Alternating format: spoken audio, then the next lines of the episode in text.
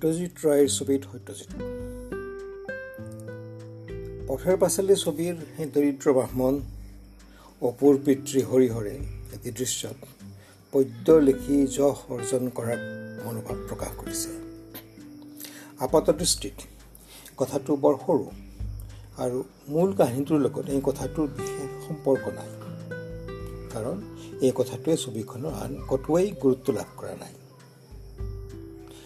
তেন্তে সত্যজিৎ ৰায়ৰ দৰে মিতব্যয়ী পৰিচালক এগৰাকীয়ে এই সৰু সংলাপটিক গুৰুত্ব দিয়াৰ প্ৰয়োজন কি? সত্যজিৎ এনে এটা পৰিয়ালৰ বংশধৰ য'ৰ তেওঁৰ পূৰ্বৰ দুটি প্ৰজন্ম হয়। ব্যৱসায় আৰু প্ৰাচুৰ্যৰ মাজতো সাহিত্য চৰ্চাৰ বাবে প্ৰচুৰ সময় আৰু শ্ৰম ব্যয় কৰিছিল। আনকি তেওঁৰ পিতৃ সুকুমাৰ দাই তেওঁ কলাজৰত আক্ৰান্ত হৈ শয্যাশায়ী হৈ থকা সময়তো যি সময়ত তেওঁৰ পাৰিবাৰিক ব্যৱসায়ৰ অৱস্থা ক্ৰমাৎ বেয়া হৈ আহিছিল সেই সময়তো তেওঁ ৰচনা কৰি গৈছিল বাংলা সাহিত্যৰ বহুত স্মৰণীয় ৰচনা। ব্যস্ত আছিল নিজৰ কিতাপ হজবৰলৰ ছপা কামৰ তদাৰক কৰাত। সুকুমাৰ ৰায়ৰ এই কৰ্মস্পৃহা সত্যজিৎ ৰায়ৰ নিজৰ জীৱনতো প্ৰতিফলিত। সুকুমাৰ ৰায়ৰ সাহিত্যৰ প্ৰতি সেই স্পিৰিট প্ৰকাশিত হৈছে পথেৰ পাচালীৰ শৰীৰৰ হৰিহৰৰ এই সংলাপটিৰ মাজত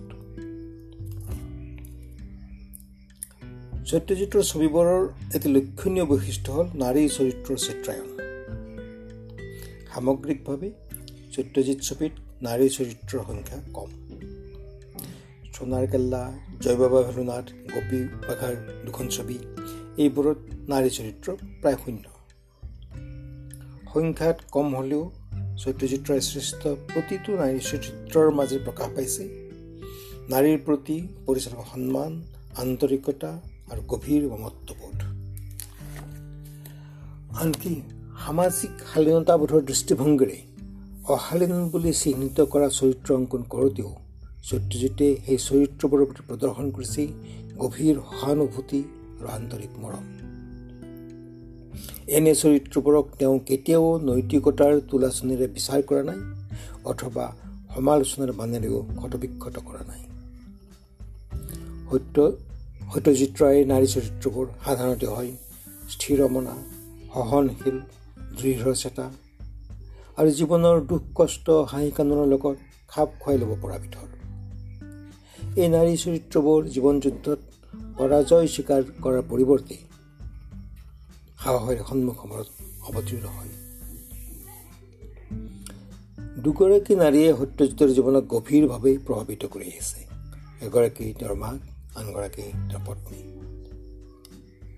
এই দুই নাৰীৰ জীৱন আৰু কৰ্মই তেওঁক এনেদৰে আবিষ্ট কৰি ৰাখিছিল যে তেওঁৰ অলেখ নাৰী চৰিত্ৰৰ মাজত এই দুগৰাকী নাৰীৰ উপস্থিতি অনুভৱ কৰা যায় অপুৰ মাক সৰ্বজয়া। এই চৰিত্ৰটি পথেৰ পাচালিত নহয় অপৰাজিতত যি ধৰণে প্ৰকাশিত হৈছে। গভীৰ অনুভূতিৰ বান্ধোনেৰে সাঙুৰ খাই থকা মাক পুত্ৰৰ যি সম্পৰ্ক প্ৰতিভাত হৈছে তাৰ মিল বিচাৰি পোৱা যায় সত্যজিৎ আৰু তেওঁৰ মাতৃ সুপ্ৰভা দেৱীৰ সম্পৰ্কৰ লগত। সুকুমাৰ ৰায়ৰ মৃত্যুৰ পিছত মাতৃগৃহলৈ উভতি যাবলৈ বাধ্য হোৱা সুপ্ৰভা দেৱীৰ একমাত্ৰ চিন্তা আছিল পুত্ৰ সত্যজিতৰ পঢ়া শুনাৰ সুব্যৱস্থা কৰা।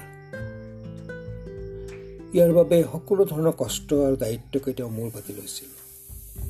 স্বামীহাৰা হোৱাৰ পিছত একমাত্ৰ পুত্ৰকে অৱলম্বন হিচাপে লৈ জীয়াই থকা সুপ্ৰভা দেৱীয়ে পুত্ৰক শান্তি নিকেতনত থৈ মানসিকভাৱে নিঃসংগ হোৱাৰ অনুভূতি যেন সম্পূৰ্ণ অবিকৃতভাৱে প্ৰতিফলিত হৈছে সৰ্বজয়াৰ চৰিত্ৰৰ মাজত।